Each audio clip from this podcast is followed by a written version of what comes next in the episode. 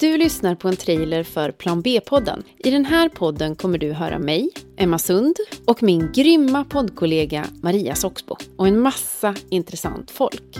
Den här podden ska inte helt överraskande handla om Plan B, men innan vi drar igång kanske det är på sin plats att svara på frågorna vad, när, hur och varför. Först och främst, Plan A var lite av en fossilfest. Det brändes på så att säga. Vi konsumerade som att det inte fanns någon morgondag. Kanske inte alltid saker som vi behövde. Vi flög till andra sidan jordklotet för att unna oss lite värme eller på en liten weekend för att shoppa ännu mer. Vi tog bilen till gymmet för att springa en mil. Mm.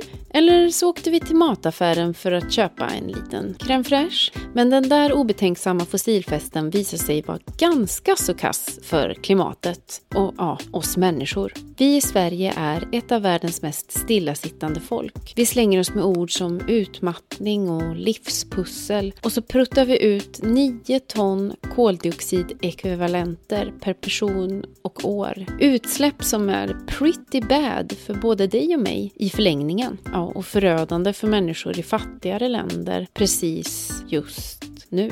Är plan A verkligen drömlivet? Är det så himla göttigt när vi tänker efter? För att kort besvara frågorna vad, när, hur och varför så kommer det här.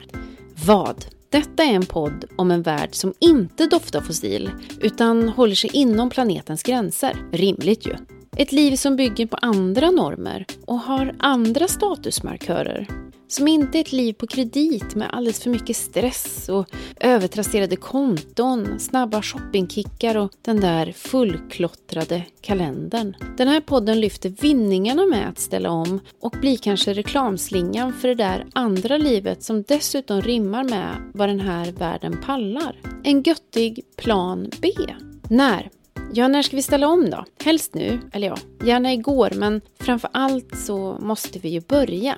Hur ska vi göra då? Det ska vi försöka ge en hint om i kommande avsnitt. Och varför ska vi ge oss på en plan B? Jo, för att inte fucka upp vår framtid. Klimatkrisen är som en lång, utdragen Armageddon-film där alla är Bruce Willis. Men eftersom den är så utdragen och går i slow motion så orkar alla inte titta precis hela tiden utan börjar scrolla Instagram istället. Vi hoppas att skälla tillbaka uppmärksamheten för det räcker liksom inte med att det är ett par få personer personer som lever perfekt och gör sin egen dio och tror att det räcker där. Vi behöver bli många, många, många, många som gör något. Och fler blir vi om många inser vinningarna med att ställa om. Därför finns den här podden.